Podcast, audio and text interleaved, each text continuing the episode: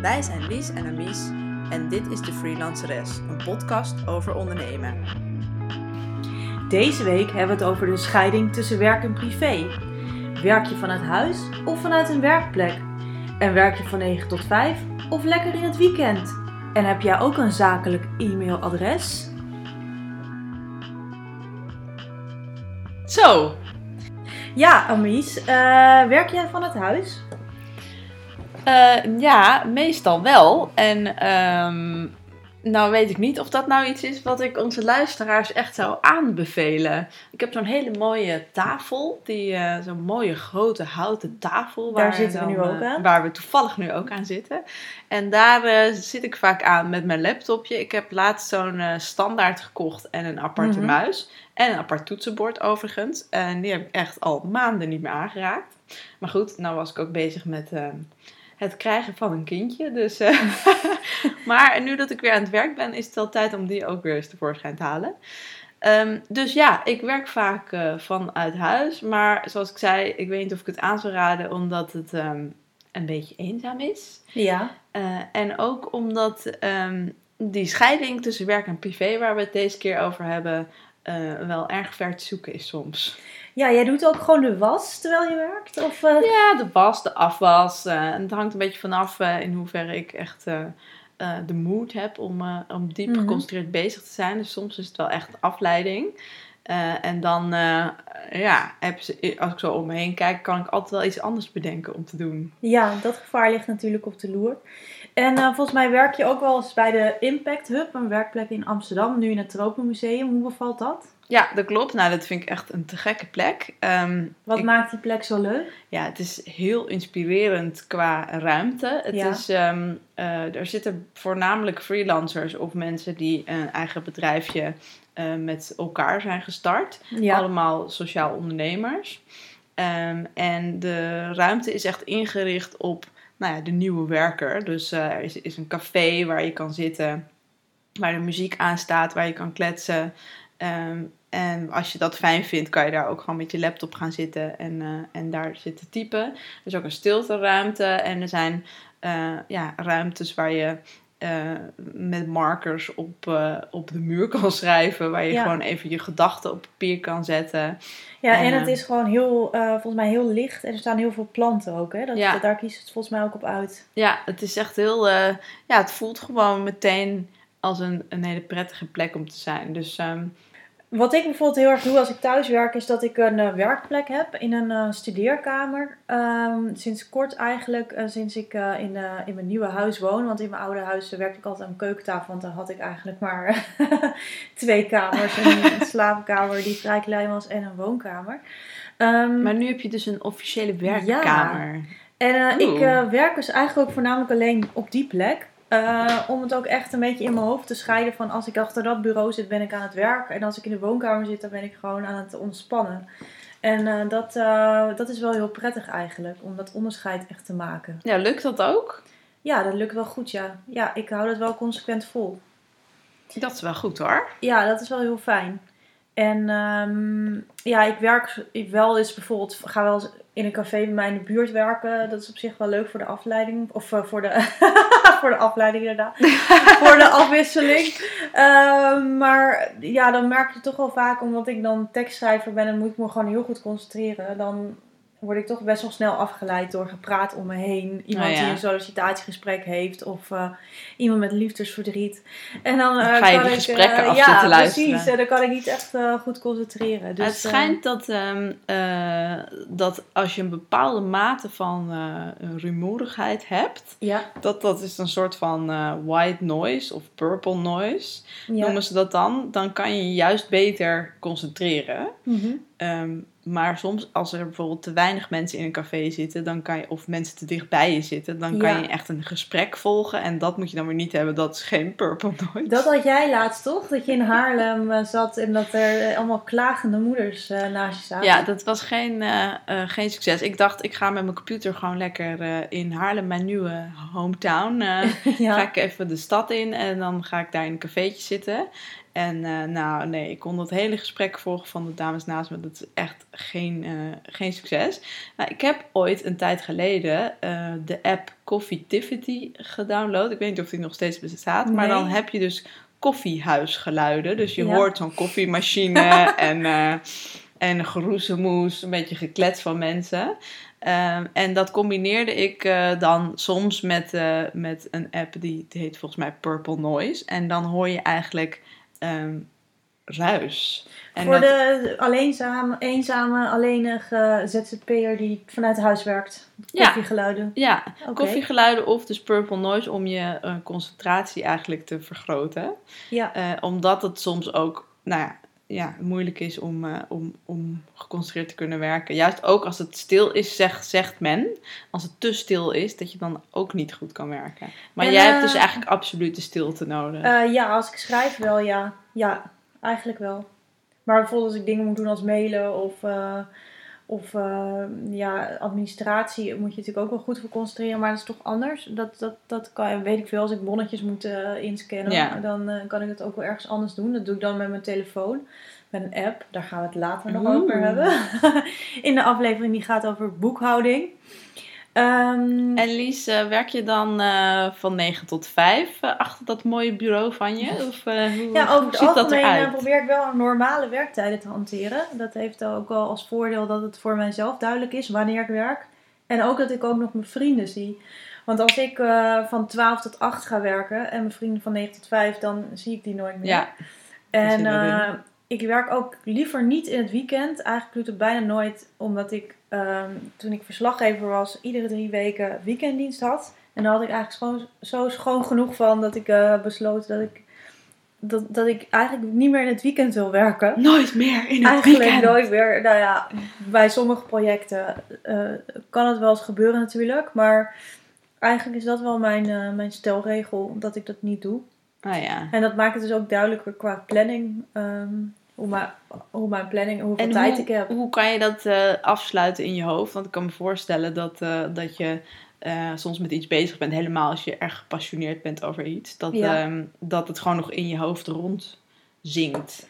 Ja, als je dan, eh, het schijnt wel zo te zijn dat als je projecten dus deels afsluit, bijvoorbeeld een hoofdstuk afmaakt of, of noem maar wat, dat je dat dan ook in je hoofd meer afsluit. Dus dat je dat dan wel een, ergens een, Ah, ja. een, een einde aan Een maakt. soort van substapjes bedenken. En ja, dus als je bijvoorbeeld, of ook bij hele kleine dingen, dat als je bijvoorbeeld de hele tijd denkt aan, je moet nog een afspraak maken met de tandarts.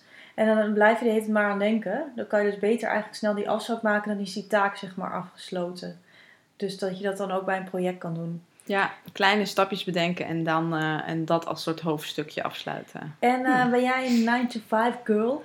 Ja, ehm, ik, heb, ik, ik hink een beetje op twee gedachten. Want aan de ene kant ben ik ook heel erg van... eh, ik vind het fijn om, om een ritme te hebben. En ik ben van vroeg opstaan en, en dan lekker aan de slag gaan. Ik vind het ook leuk om als ik bijvoorbeeld naar zo'n werkplek, naar die Impact Hub ga... Mhm. om dan om kwart voor negen even met wat mensen bij te kletsen bij het koffieapparaat. Ja. Ehm, dus enerzijds eh, een beetje wel, eh, maar anderzijds ook weer niet. Want ehm, ik vond juist bij de verschillende organisaties waar ik heb gewerkt... het altijd heel beperkend dat je dan zo om negen uur achter je bureau moet Ja. zitten. Dan moet je eerst in zo'n volle trein en dan Ja, zit je om negen uur achter je bureau... en dan weet je dat je pas om vijf uur weer eens een keertje eh, achter het bureau vandaan kan. En je wordt gewoon ja, fysiek er stijf van en... eh, Daar heb ik ook absoluut een hekel aan hoor. De- dat vind ik ook het voordeel van thuiswerken. Dat je tussendoor inderdaad even de was kan ophangen of een rondje buiten kan lopen. Dat je niet de hele dag achter je bureau eh, stijf zit te worden. Ik Dus, heb op een eh, gegeven moment ook echt met collega's hadden we dan zo'n soort van eh, eh, fotodatabase van allemaal ideeën van hoe je eh, dutjes kon doen onder werktijd. dus, en ehm, hoe zag dat eruit? nou, van dat, de, bijvoorbeeld, eh, er zijn allerlei van die uitvindingen van een soort van geheime bedjes onder bureaus en, eh, en van hele zachte ehm, eh, tapijten waar je dan even een uiltje op kan knappen. En ik heb ook een keer zo'n foto gezien van een soort, een soort muts die eigenlijk een kussen is waar je dan zo even in kan gaan liggen met je hoofd. Nou ja, want ik geloof Ja. ook dat wij mensen eigenlijk niet gemaakt zijn om van 9 tot 5 te werken. Want ik bedoel, wie heeft niet om drie uur of vier uur een kuppensoep dip. Of een, nee, ik heb dan meer een sugar dip. ja. Ik moet dan gewoon, ik ging Coca-Cola Light had ik altijd om vier uur. nou, ik ging dus inderdaad altijd Ja. de chocomel eh, halen uit de machine. Ja, Zo van die vieze chocomel uit de koffiemachine. Blah. ja. Omdat ik gewoon, ik kon niet meer. Nee, ik En- geloof er ook helemaal niet in. Ik, eh, ik zeg wel dat ik van 9 tot 5 werk, maar daar bedoel ik dus niet mee inderdaad. Ik, dan, ik bedoel meer dat ik die werktijden eh, probeer aan te houden. Ja. Het kan ook zijn dat ik tussendoor wel een uur pauze neem. eh, of eh, om drie uur stop. Maar in ieder geval probeer ik niet dan tot, tot, tot heel laat door te werken. Of, of juist pas om 12 uur te beginnen. Dat kan natuurlijk wel, Ja. maar niet standaard. Nee, inderdaad. Ja, ik, ik nou ja, als werk, werknemer ging ik ook vaak gewoon met, met een collega sprak dan af. Van, nou, ik zie je over vijf minuten in de kolfkamer. Nou, we hadden allebei helemaal geen kinderen en kolfden helemaal niet. Maar eh, gingen we stiekem daar even zitten om gewoon even de dag in stukjes te breken. Ja, En wat dat betreft eh, ben ik echt super blij dat ik freelancer ben. Dat ik gewoon kan beslissen van eh, ik ga nu even lekker in een cafeetje zitten werken. Of ik ga inderdaad wat jij zegt even de was doen tussendoor. Ja, en ik heb ook eh, sinds een jaar bijvoorbeeld een uh, Cinefiel pas gekocht. Voor, waarmee je dus onbeperkt naar de film kan. Oh ja, leuk. En ik ga dus ook best wel vaak om vijf uur of om drie uur gewoon naar een film. Wat je eerst natuurlijk nooit kan doen als je ergens van 9 tot 5 moet werken. Maar dat je dus gewoon de vrijheid hebt om dat te doen. En dat is vaak toch weer heel inspirerend. En eh, is gewoon heel, heel, heel tof om te kunnen doen. Leuk. En haal Ja. je die uren dan in? Want als je zou zeggen van nou, je werkt fulltime of misschien wel meer als Mhm. freelancer. Ehm, ja, compenseer je dat nou, op een soms of andere moet manier? je wel eens lange dagen maken. Dus dan, eh, dan heb je wel, wel eens een uur overgewerkt. Kun je jezelf weer later weer belonen, zeg maar. Nee, maar ik vind ook dat je... Nee, ik hoef niet per se eh, iedere week eh, zoveel uur te maken. Ik vind dat ik best wel mezelf mag gunnen om af en toe eens een middag vrij te nemen en naar een film te gaan. Dat is ook wel een van de geneugten Ja, van precies. eh, ik vind dus dat, dat je als freelancer ook eh, heel erg moet eh, die momenten moet pakken. Want je bent niet voor niks freelancer geworden om inderdaad als het 30 graden is naar, naar het strand te gaan. Of om drie uur naar de film te gaan. Of te gaan lunchen eh, twee uur lang met een vriendin. Dus eh, je moet die momenten zeker nemen. En ehm, vind je eigenlijk, Amies, dat je een e-mailadres van je werk moet hebben? Een, een apart e-mailadres? Nou, grappig dat je dat vraagt. Want ik heb toevallig al een hele tijd alle e-mailadressen die eindigen op amiesboersma.nl. Ja. En ehm, die gebruik ik eigenlijk nog niet. Ik doe al mijn, eh, mijn werkmail met mijn privémail, Ja. mijn Gmail-account. En ik ja, heb eigenlijk steeds meer de behoefte om die twee te gaan scheiden. Na een jaar lang eh, alles op één account hebben gehad, heb ik nu steeds meer zoiets van... Ik waarom wil... heb je daar behoefte aan? Ja, ehm, omdat ik op vakantie mijn mail check, mijn Ja. privémail. En Ja. daar zit dan dus ook mijn werkmail bij. Ja. En ehm, in het weekend idem dito. En ja, ik heb ook contact met veel andere freelancers die ook veel in het weekend werken. Trouwens, heel veel mensen die in loondienst zijn, werken ook in het weekend. Mhm. Eh, en daar krijg ik dus continu mailtjes van op mijn privémail. En ehm, ja, ik vind dat best wel een, eh, een, een lastig ding. Omdat, ja, eigenlijk denk ik ook, wat maakt het nou uit? Moet ik weer een andere ja. account gaan gebruiken en zo? Maar ehm, ja, ik merk dat ik dan toch in mijn hoofd heel veel met mijn werk bezig ben. Heb Ja. jij eigenlijk... eh, Nee, ik heb eigenlijk alleen maar één e-mailadres, een Gmail-adres. En ben het wel een beetje eens. Bijvoorbeeld gistermiddag krijg ik nog, eh, terwijl ik even zit te relaxen, een e-mail van mijn boekhouder met een vervelende mededeling ehm, over belastingen. En ja, waardoor ik dus eigenlijk eh, heel erg baalde. En je niet zo kon eh, relaxen. En ik niet kon relaxen. En inderdaad, ook op vakantie krijg ik zakelijke e-mails.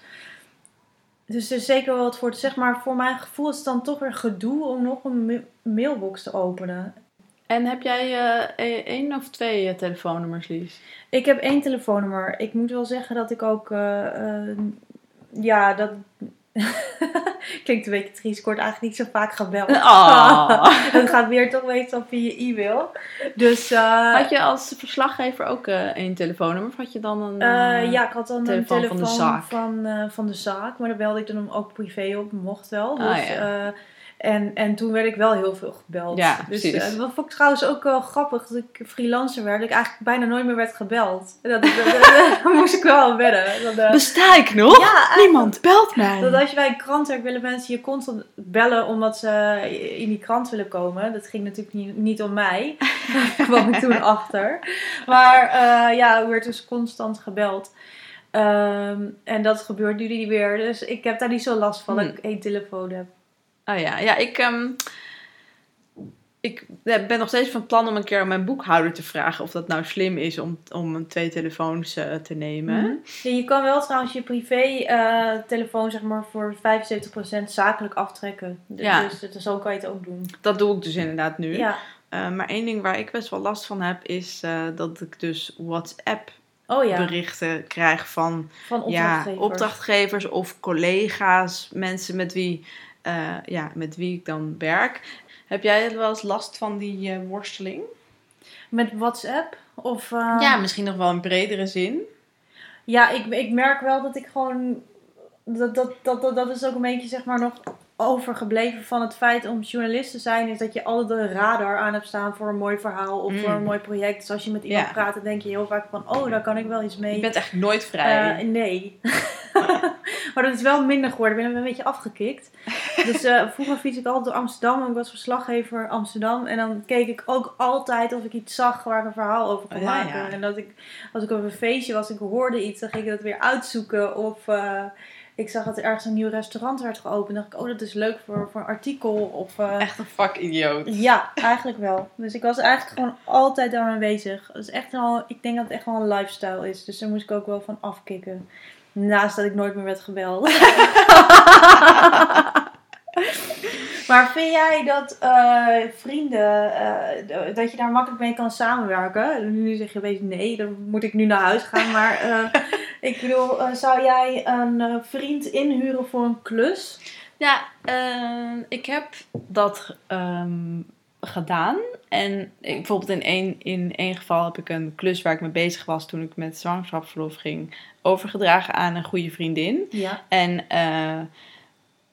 ja, dat is gewoon iets wat heel logisch was om te doen. Omdat ik wist Ja. dat zij supergoed zou zijn in die, voor die Ja. klus. En, ehm, Maar dat is dan natuurlijk wel belangrijk. Het is, je wilt natuurlijk graag een vriendin helpen aan een klus. Maar je wil dan natuurlijk wel dat iemand het ook goed doet. Ja, dat, dat is wel. Ik bedoel, het is natuurlijk ook mijn ehm, eh, naam als freelancer. Precies. Dus ik wil dat sowieso goed overdragen. Ehm, ik denk dat voor mij staat dat wel echt ehm, voorop. Dat ik moet weten dat de kwaliteit die diegene levert, dat die Mhm. echt heel goed is. Ik heb ook een vriendin die is designer en heb ik al meerdere keren mee samengewerkt. Eh, ik heb haar ook binnengebracht bij een opdrachtgever, ja, omdat Ja. zij gewoon hartstikke goed is. Ja. Ehm, Maar nu coach jij bijvoorbeeld ook mensen. ja, Eh, zou, jij ook, zou je mij willen coachen? ik zou het dolgraag willen. Maar eh, nee, nee, dat doe ik niet. Nee, het is wel grappig, want ik had het er laatst met een vriendin over die ehm, eh, gecoacht was door een vriendin die met een opleiding bezig was. Ja, en die, ja. zei van, mag ik jou even een paar sessies coachen als eh, proefcliënt? En ik zat echt met mijn oren te klapperen, want bij ons... Bij ons, bij Integral Coaching Canada, Ja. is dat echt not done. Nee, en waarom Ehm, vind je dat not dan? Ja, ehm, dit- dat is gewoon echt een, een, een van de basisbeginselen van, eh, van, ja, van deze manier van coachen. Mhm. Dat, je, ehm, ja, dat je heel duidelijk moet zijn in de relatie die je hebt. En dat je toch, doordat je eh, bevriend bent, ehm, ja, eh, niet ja, objectief kan zijn. Of dat je toch een, op een andere Ja. manier je verhoudt tot die persoon. Ja, Dus ik denk dat... Soms vind ik het wel moeilijk hoor. Want eh, ik, die, ik ben je natuurlijk... handen jeuken wel om mij te coachen. Vooral bij jou! Nee hoor, helemaal niet. Maar ik heb wel vaak dat ik een gesprek heb met iemand. Ja. En met de mensen in mijn familie bijvoorbeeld. En dan denk ik van, oh ja, nou... eh, ja, want ben jij dan niet vakidioot? Dat je dan denkt van, uh, Nee, je ja, soms vervalt in je rol van coach. Vreselijk! En, ehm, en nu krijg ik bijvoorbeeld eh, iets anders dan van met samenwerken met vrienden. Ja. Ik krijg dan wel vaak verzoekjes van kun je even naar deze tekst kijken? Hoe kan ik een mooi interview doen? Of ik vind dat best Ja. wel lastig, want mensen onderschatten vaak wel hoeveel tijd het kost als tekstschrijver om dat goed te doen. En eh, ik vind dat soms wel. Ja, hoe maak jij die afweging? Want jij bent gewoon, je hebt gewoon een hele concrete skill die Ja. mensen, die heel veel mensen nodig hebben. Ik Ja. ook. Ja, Dus ik vraag jou ook wel eens of je naar een tekst eh, wil kijken. ja, En hoe, eh, ja, hoe maak jij die afweging? Wat doe je wel of niet voor iemand? En ja, en, en werk, je, ja, werk je met vriendenprijsjes dan of doe je dat niet? Ligt er dan bijvoorbeeld wel voor mij aan, eh, als het een goede vriendin is, zou ik dus al sneller geneigd zijn dan eh, de zus van die vriendin om die te helpen. Ja. Eh, want dan kan ik wel iedereen gaan helpen met gratis teksten. Ehm, soms wel ook wel moeilijk dat onlangs een vriend aan mij vroeg of ik, of ik die ergens mee kon helpen en ik stuurde een offerte en, en hij vond dat te duur. Ja. Ja, ja, dan heb ik toch gezegd van nou, zoek maar iemand anders, want ik ga niet eh, nog onder deze prijs zitten. ja. En is dat Eh, dan iets wat ook de vriendschap dan eh, ja, een beetje in de weg zit? Of? Nee, ik denk je dat wel moet onderscheiden. Maar daarom heb ik ook een officiële offerte gestuurd. Ja. En dat het daardoor ook heel duidelijk was van dit is wat ik doe. En je kunt ja of nee zeggen. Ja, Juist bij vrienden is dat heel belangrijk, denk ik. dat je jezelf ook echt professioneel eh, neerzet van eh, ja, ik, ik Ja. ben dit niet als hobby erbij aan het doen of zo. Nee. Dit is gewoon mijn werk. Nee, niet eh hobby, eh hobbyklusser. en ehm, wat zou nou jouw tip van de week zijn op dit vlak, Amies? Ja, geef je grenzen aan. Dus ehm, eh, Weet van tevoren wat je eigen grenzen zijn. Dus als je in principe niet in het weekend werkt, is Ja. dat heel duidelijk. Dus dan kun je, eh, kun je, weet je gewoon voor jezelf dat je dat niet doet. nou, dat is één. Maar ook als je het van tevoren niet weet en soms dan, dan weet je het ook niet, dan kom je er gewoon gaandeweg achter van hé, hey, ik vind het eigenlijk niet prettig als iemand me WhatsAppt in het weekend of ehm, Ja, dat je dat dus aangeeft Ja. tegen zo'n opdrachtgever. Ja.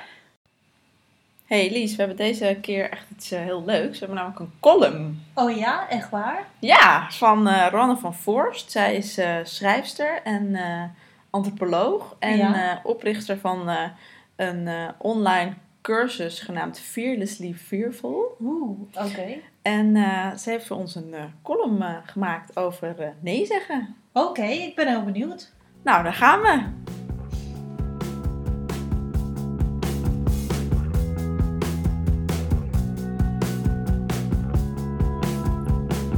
Als zelfstandige ondernemers met mij praten over waarom ze eigen baas willen zijn, dan geven ze vaak als een van de eerste redenen op dat ze vrij willen zijn.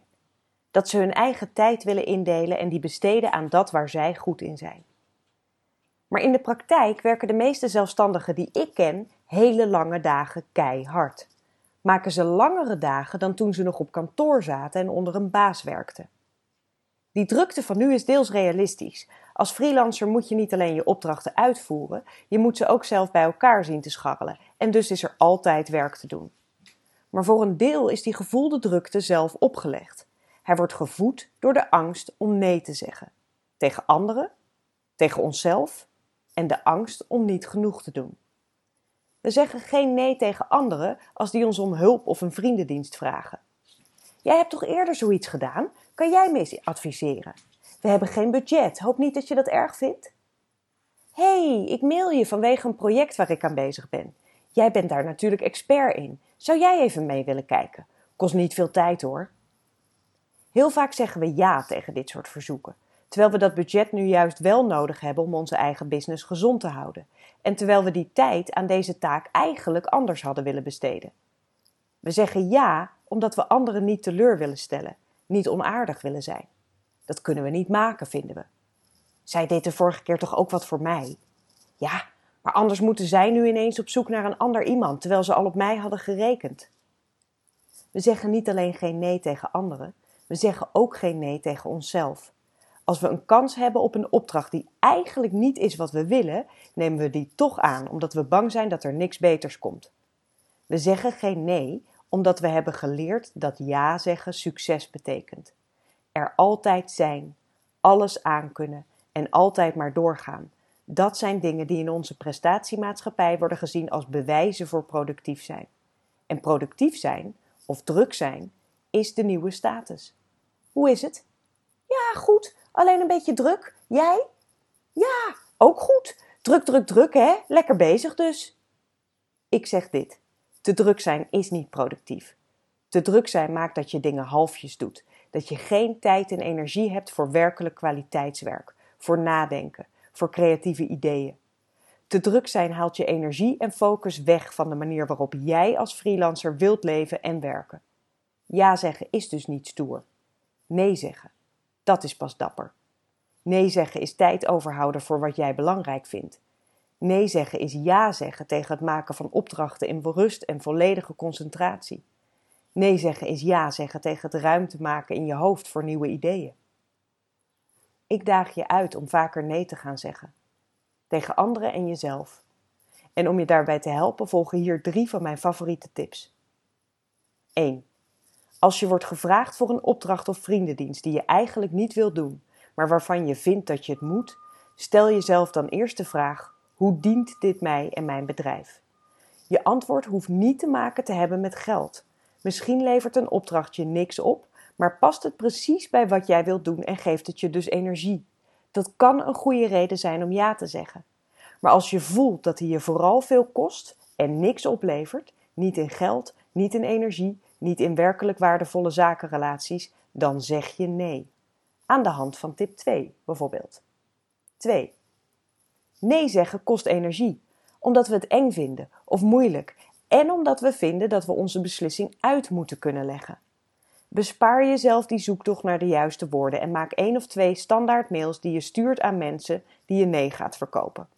Die klinken bijvoorbeeld zo: Hey, dankjewel voor je mail. Je project klinkt fantastisch. Wat een goed idee. Op dit moment ben ik heel druk met een aantal eigen grote opdrachten voor mijn bedrijf, waar ik al mijn aandacht en werktijd voor nodig heb. Dus ik kan je helaas niet helpen bij je project.